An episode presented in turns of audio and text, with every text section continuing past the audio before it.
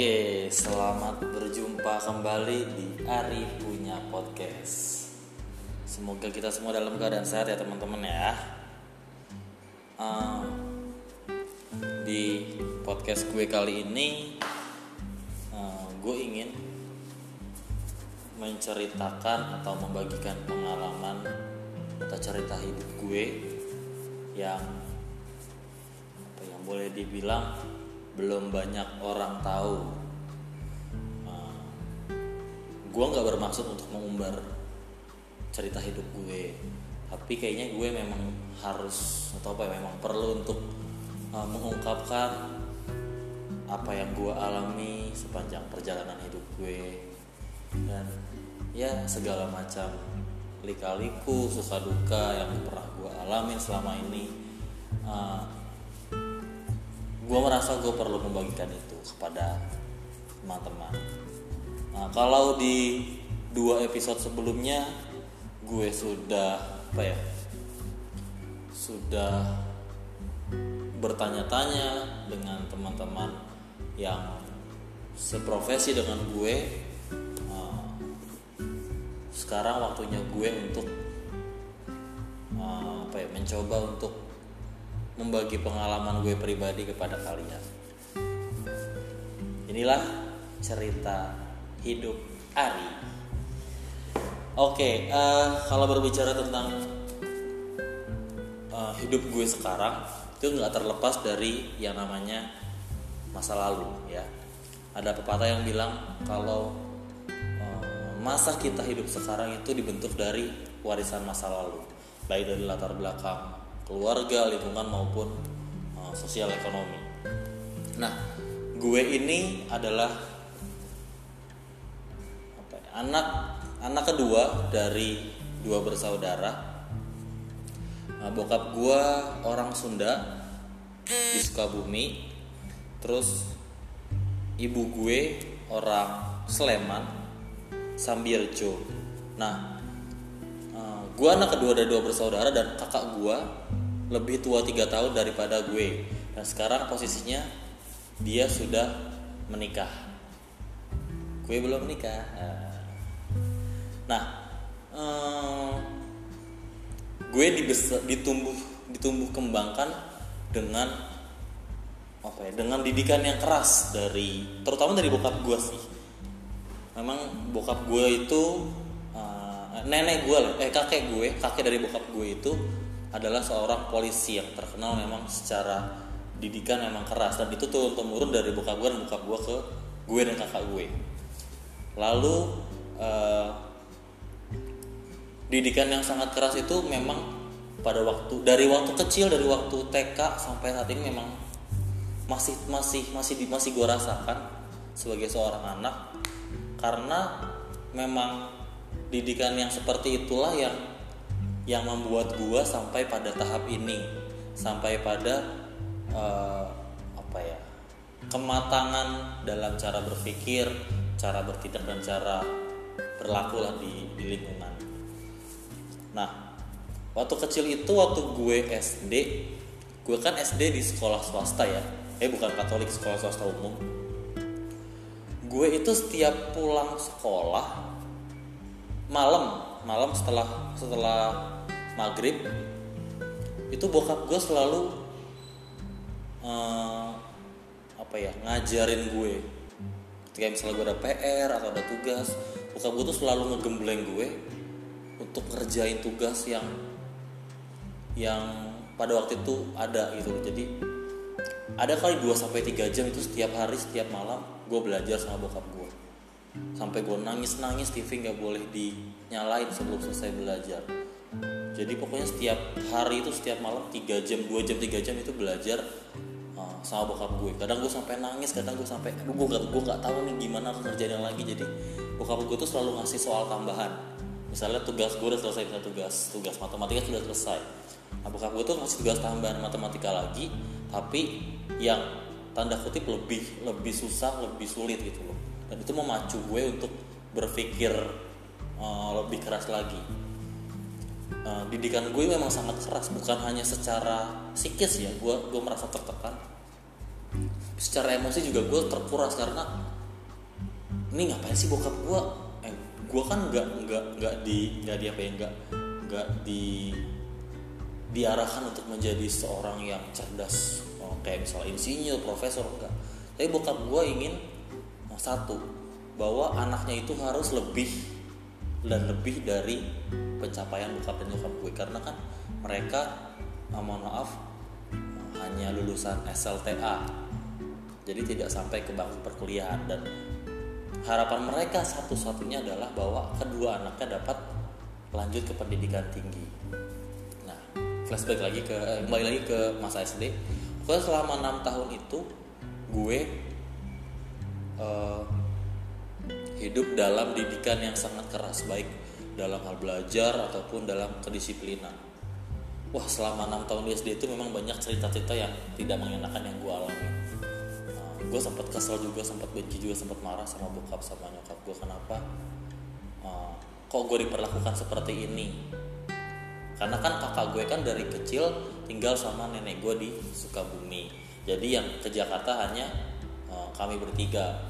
Merantau lah dari kecil jadi yang yang yang sering merasakan didikan yang sangat keras itu adalah gue dibanding kakak gue yang cewek. Nah uh, oh ya gue harus gue, gue cerita dulu deh. Uh, bukan nyokap eh, kami itu terlahir dari keluarga yang yang prasejahtera lah. Kalau bahasa kasarnya miskin gitu.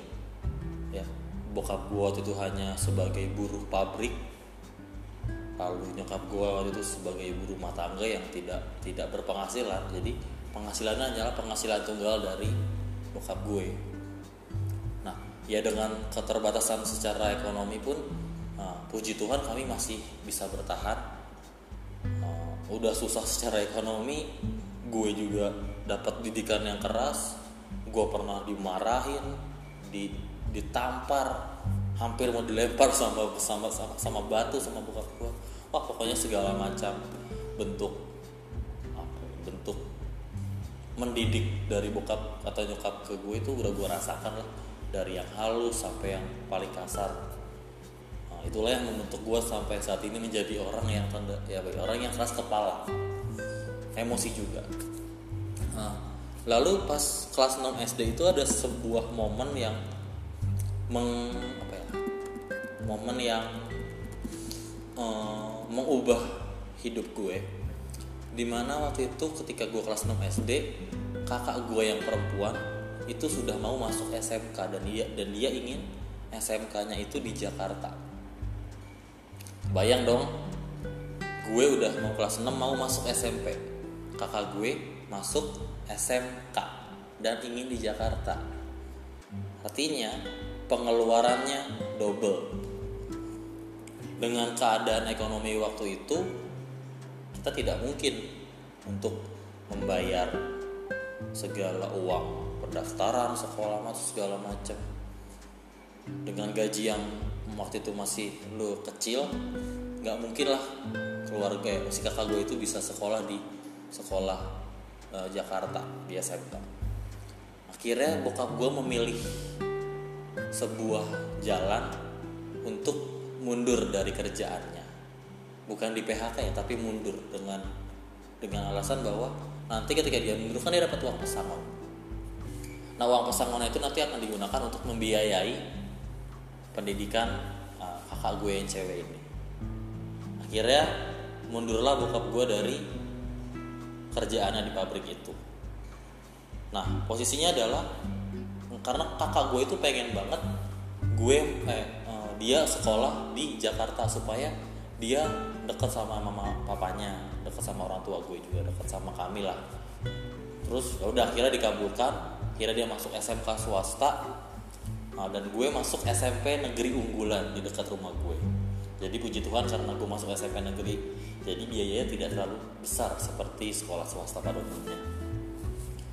Nah ketika itu sudah ketika sudah berjalan tuh gue udah SMP kakak gue udah SMK uh,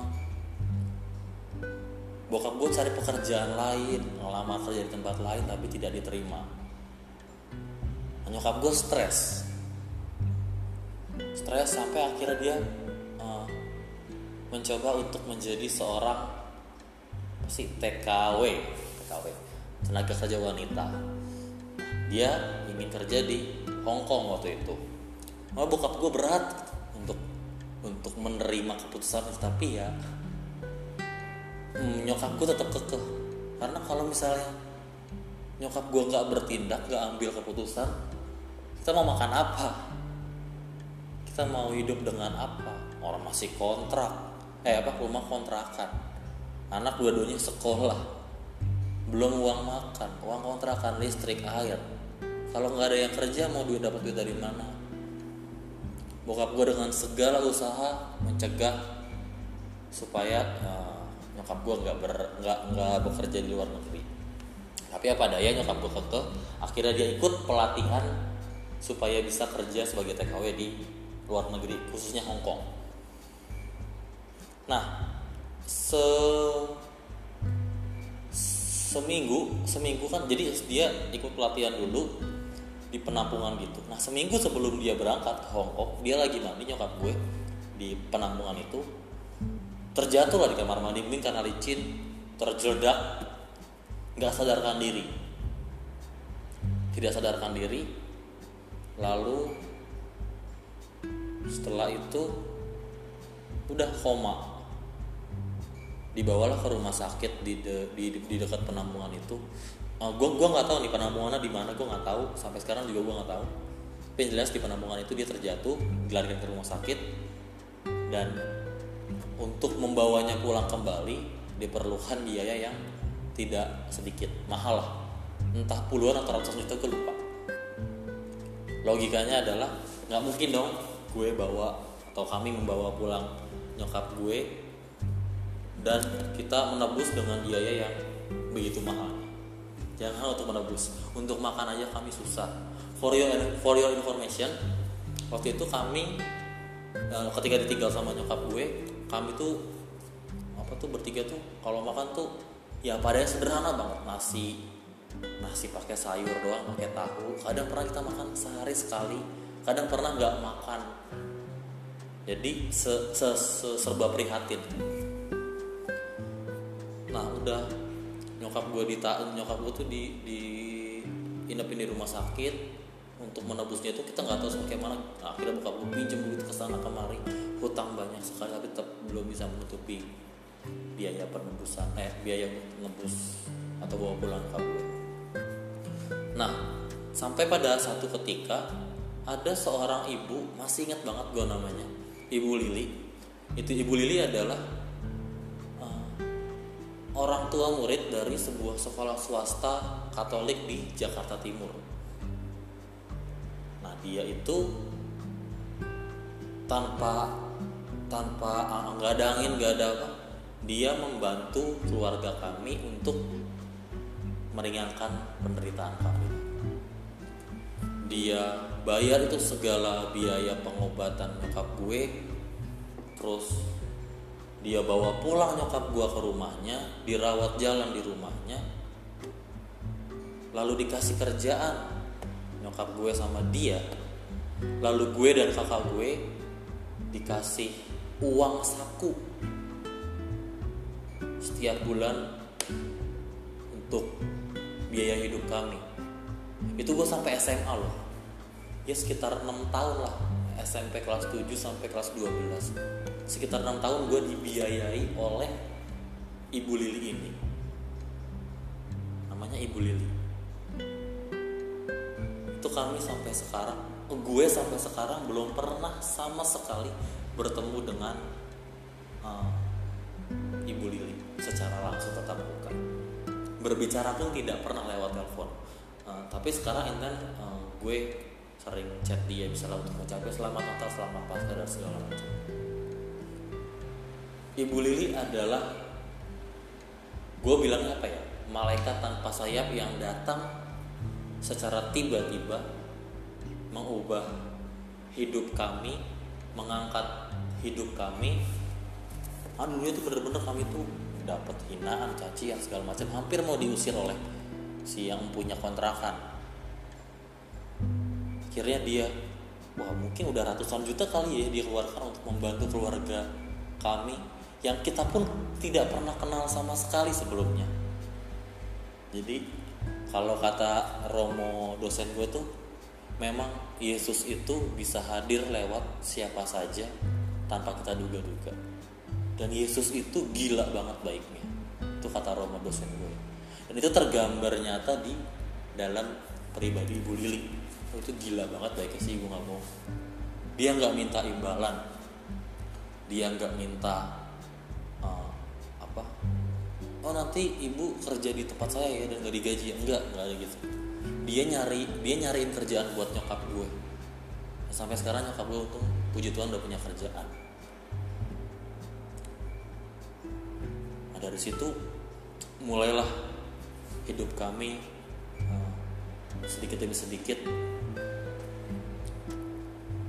ter apa ya teratur lah sudah mulai bangkit dari keterpurukan masalah datang ketika kakak gue waktu itu kelas 2 atau 3 SMA SMK dia mungkin karena dia baru kenal Jakarta kali ya pergaulan Jakarta kan seperti kita tahu bebas ya. Dia itu terjerumus narkoba. Ditawarin oleh teman-temannya. Keluarga sangat kecewa terutama bokap gue bokap gue marah besar. Dan akhirnya memutuskan untuk memindahkan bokap eh, kakak gue sekolah di Sleman tempat nenek gue. Itu kecewa banget. Bayangin lo lu udah lu, lu udah dibiayain sekolah sama ibu Lili waktu itu. Waktu itu kan eh, sebelumnya kan sama bokap gue kan karena karena mengundurkan diri.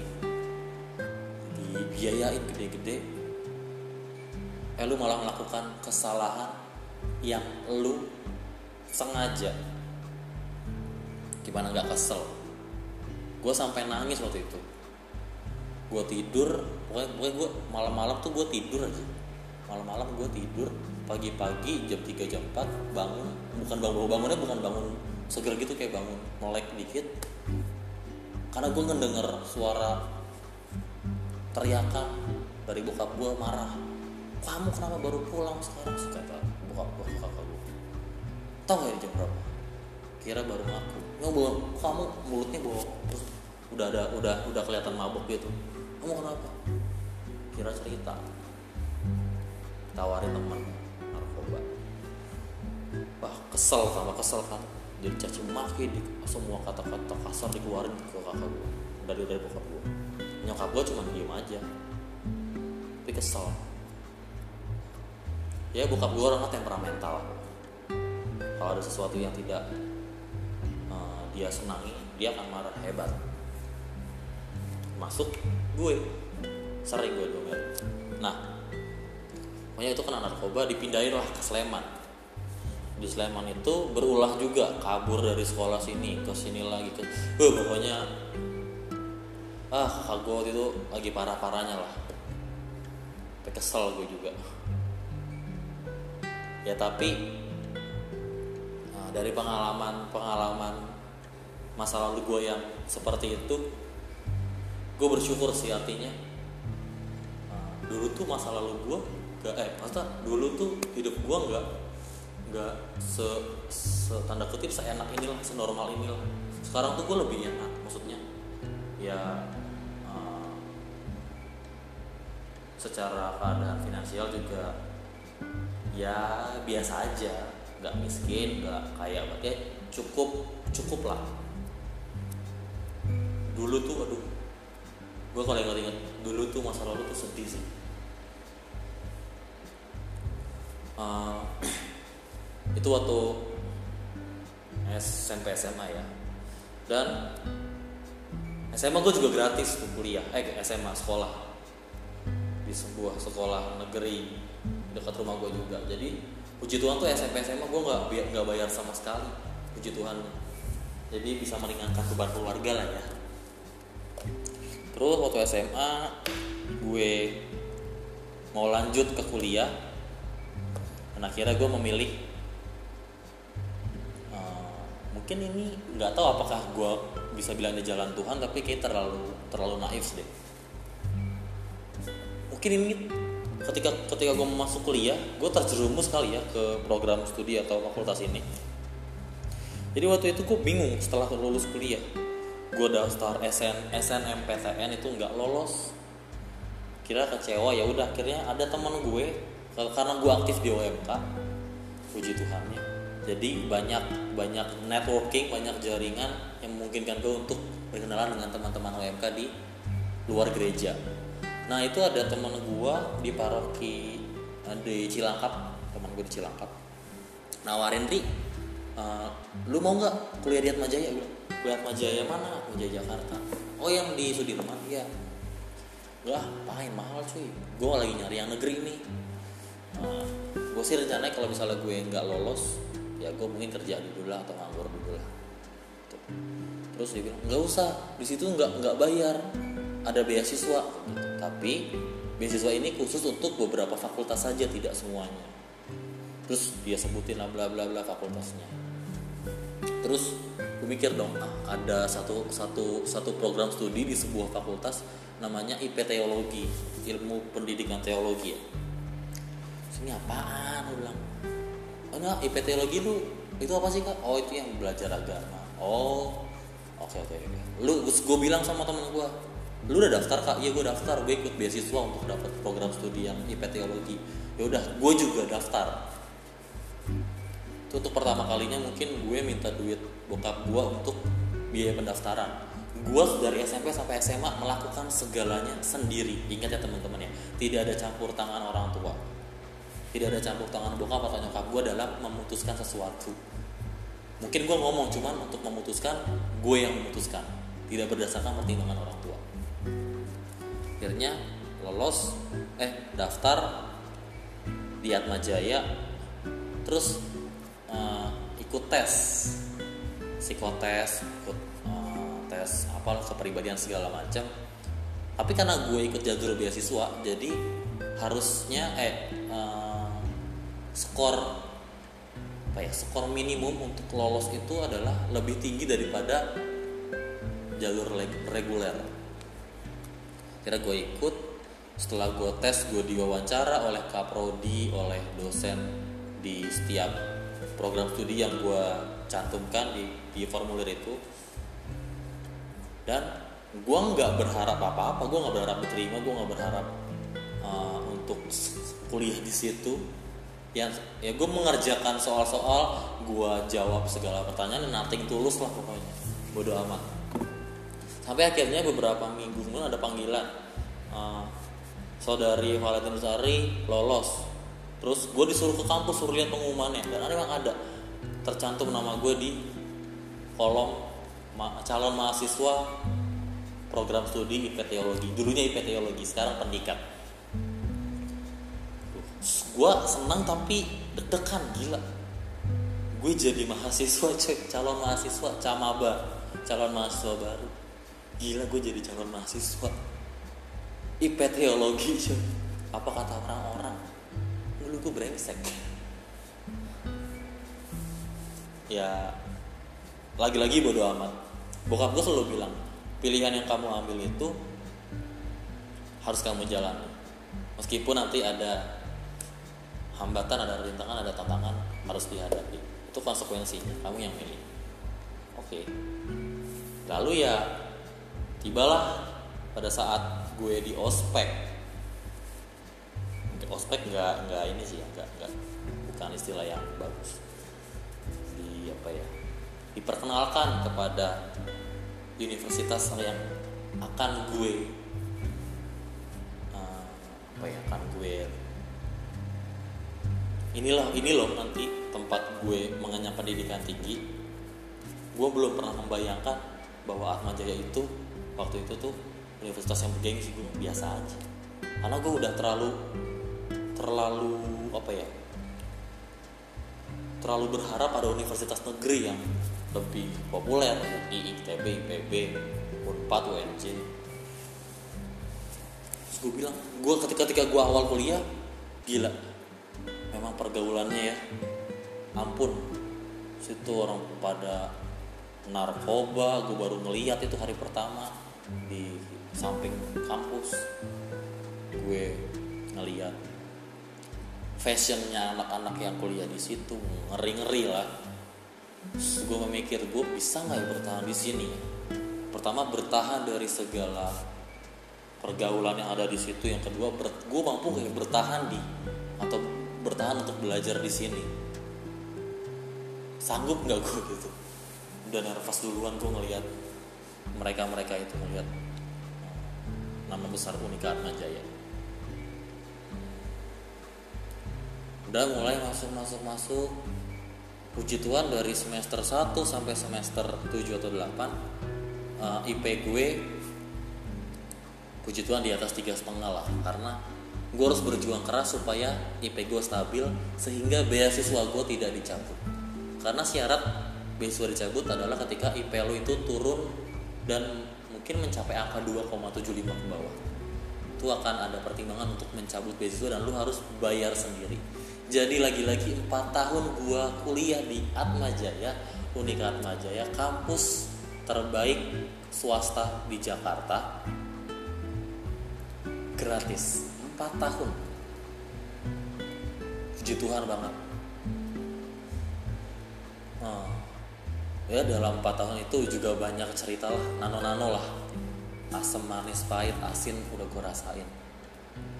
Situ juga gue aktif dalam organisasi uh, UKK unit kegiatan khusus pastoran Atmajaya melayani teman-teman dalam bidang kerohanian lalu ikut HMPS himpunan mahasiswa program studi.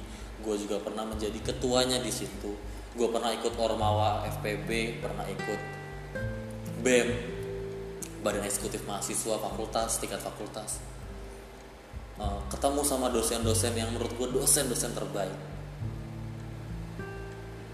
Ketemu sama teman-teman suster-suster para frater bruder teman-teman dari lintas usia bayangin dia di kelas gue itu ada mahasiswa yang umurnya 60 tahun ada suster tiga orang lalu lainnya tuh awam. Wah itu gila sih. Gue ketemu sama teman-teman yang berbeda latar belakang usia latar belakangnya ekonominya berbeda latar belakang pendidikannya berbeda. Ada yang lucu ada yang kuliah di teologi alasannya supaya nanti supaya supaya supaya si orang itu tuh nggak nggak nggak konsumtif nggak boros. Jadi kerjaan dia tuh setiap hari tuh sebelum kuliah eh iya sebelum sebelum dia masuk kuliah di teologi kerjaannya tuh setiap hari tuh belanja belanja belanja. Terus dia mikir kenapa ya kalau belanja ini ngabisin duit? Kenapa nggak gua mencoba untuk menginvestasikan duit gue kepada sesuatu yang lebih berguna? Akhirnya dia masuk. Itu orang tante-tante tuh. Baik tuh baik banget sama gue lu wah ketemu banyak banget. Kalau mau lihat uh, diversity mungkin itulah Atma Jaya itu menggambarkan diversity segala perbedaan inklusif ya. Uh, Puji Tuhan selama 4 tahun berjalan lancar lalu uh, tugas akhir uh, pasti setiap tugas akhir akan ada banyak air mata yang menetes sama seperti saya. Setiap tugas akhir setiap bimbingan setiap konseling selalu ada rasa marah rasa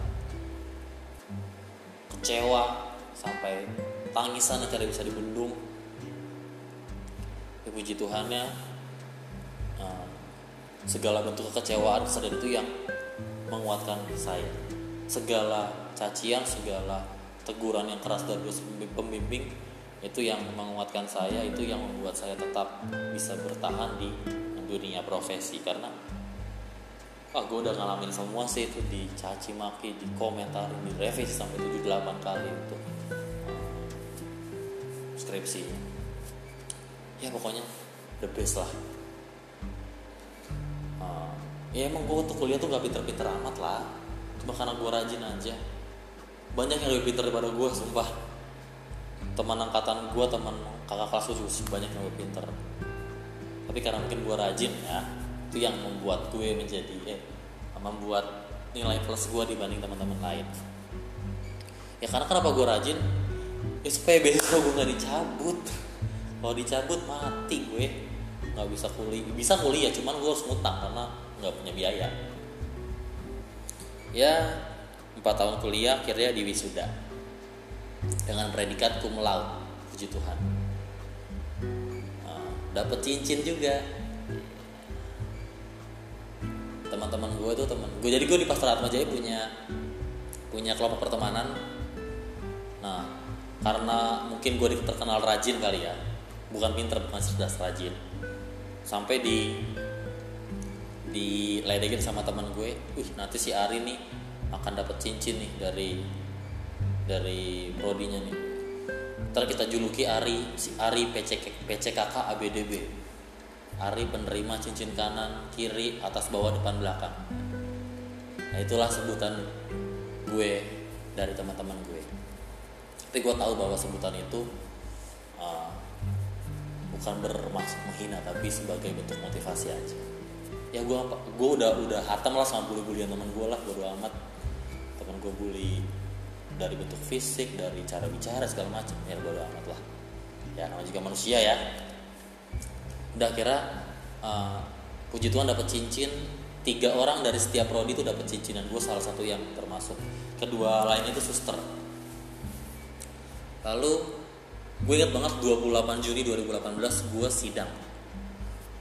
Mei tanggal 4 tanggal 5 eh Juli tanggal 4 tanggal 5 gua masuk kerja so tidak ada waktu untuk refresh setelah gue skripsi. Jadinya ya sudah masa liburan gue tidak sebahagia teman-teman lain. Nah, gila gue seminggu setelah setelah sidang langsung skrip langsung apa masuk masuk kerja pertama kali loh.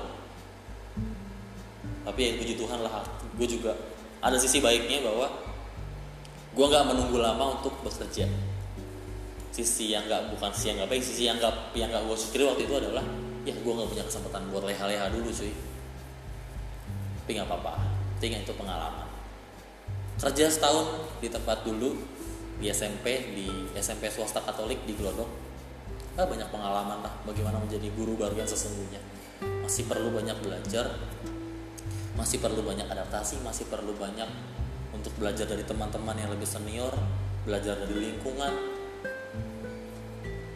ya semua itu memang proses belajar ya teman-teman ya mau lu sepintar atau secerdas apa pun belajar itu adalah sebuah keharusan bagi setiap manusia karena kalau nggak belajar lu nggak akan menemukan hal yang baru dan lu nggak akan bisa berkembang sebagaimana uh, semestinya dan sekarang gue di sekolah yang baru di sebuah sekolah sekolah dasar SD swasta Katolik di Jakarta Timur. Puji Tuhan di sini juga banyak pembelajaran baru. Banyak teman-teman guru muda yang sangat suportif sama gue, sangat mendukung, membantu banget dalam hal administrasi segala macam, adaptasi. Karena memang antara waktu gue sekolah ngajar di SMP sama sekarang ajar di SC beda banget administrasi beda banget uh, cara kerjanya segala macam tapi puji Tuhan masih bisa bertahan. Cuman gue bahagia lah di sini ya selain itu gue juga di luar aktif di uh, kegiatan OMK baik di paroki wilayah sampai di Dekenan Timur. Puji Tuhan lah menambah relasi menambah networking pertemanan. Dan gue merasa teman-teman gue juga sangat menyenangkan. Eh, bisa menerima gue dengan segala keterbatasan yang gue miliki. Lagi-lagi rasanya kalau dengan semua yang gue alami rasanya kalau gue gak bersyukur gue kurang ajar banget. Ya karena segala pengalaman gue pahit manis getir asem itu memang udah disekenariokan oleh Tuhan. Mungkin ya. Gue hanya bisa menjalaninya. Ya hmm, masih banyak cerita yang belum gue sampaikan atau bagikan ke teman-teman. Ya semoga cerita ini bisa apa ya gue sih nggak berharap kalian mengambil pesan sih dari cerita gue gue cuma pengen membagikan cerita hidup gue semoga atau mungkin ada yang mirip persis cerita hidupnya dengan gue. Merasa tercolek nggak apa-apa. Ya intinya dengan apa yang gue alami bersyukur adalah cara yang paling tepat sih. Tapi kalau bersyukur doang tapi tidak pernah melakukan aksi sama aja bohong. Ya. Jadi cara gue bersyukur adalah selain berdoa berterima kasih sama Tuhan gue juga harus bekerja sebaik-baiknya gue karena menurut gue kalau orang bekerja dengan maksimal di depan siapa pun di, man, di, di apa kapan pun di mana pun kalau orang bekerja maksimal siapa tahu kita akan mendapat sesuatu yang lebih besar dari apa yang kita kerjakan pada saat itu. Gue percaya bahwa Tuhan sudah merencanakan hidup kita sedemikian rupa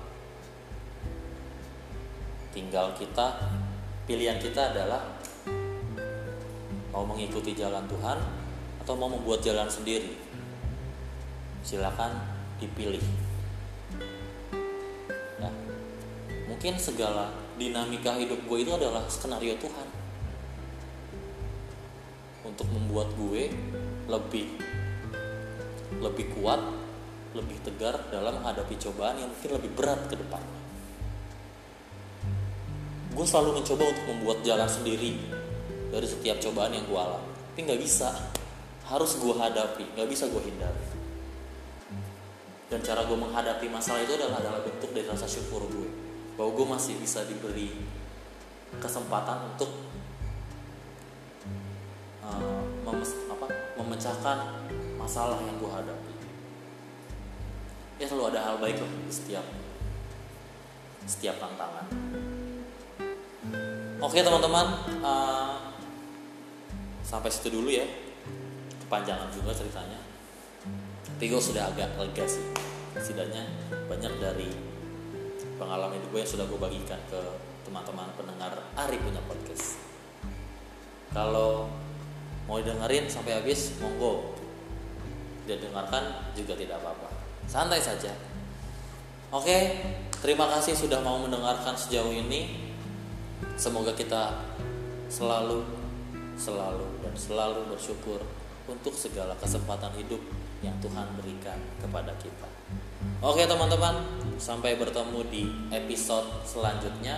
Salam sehat dan semangat. Bye-bye.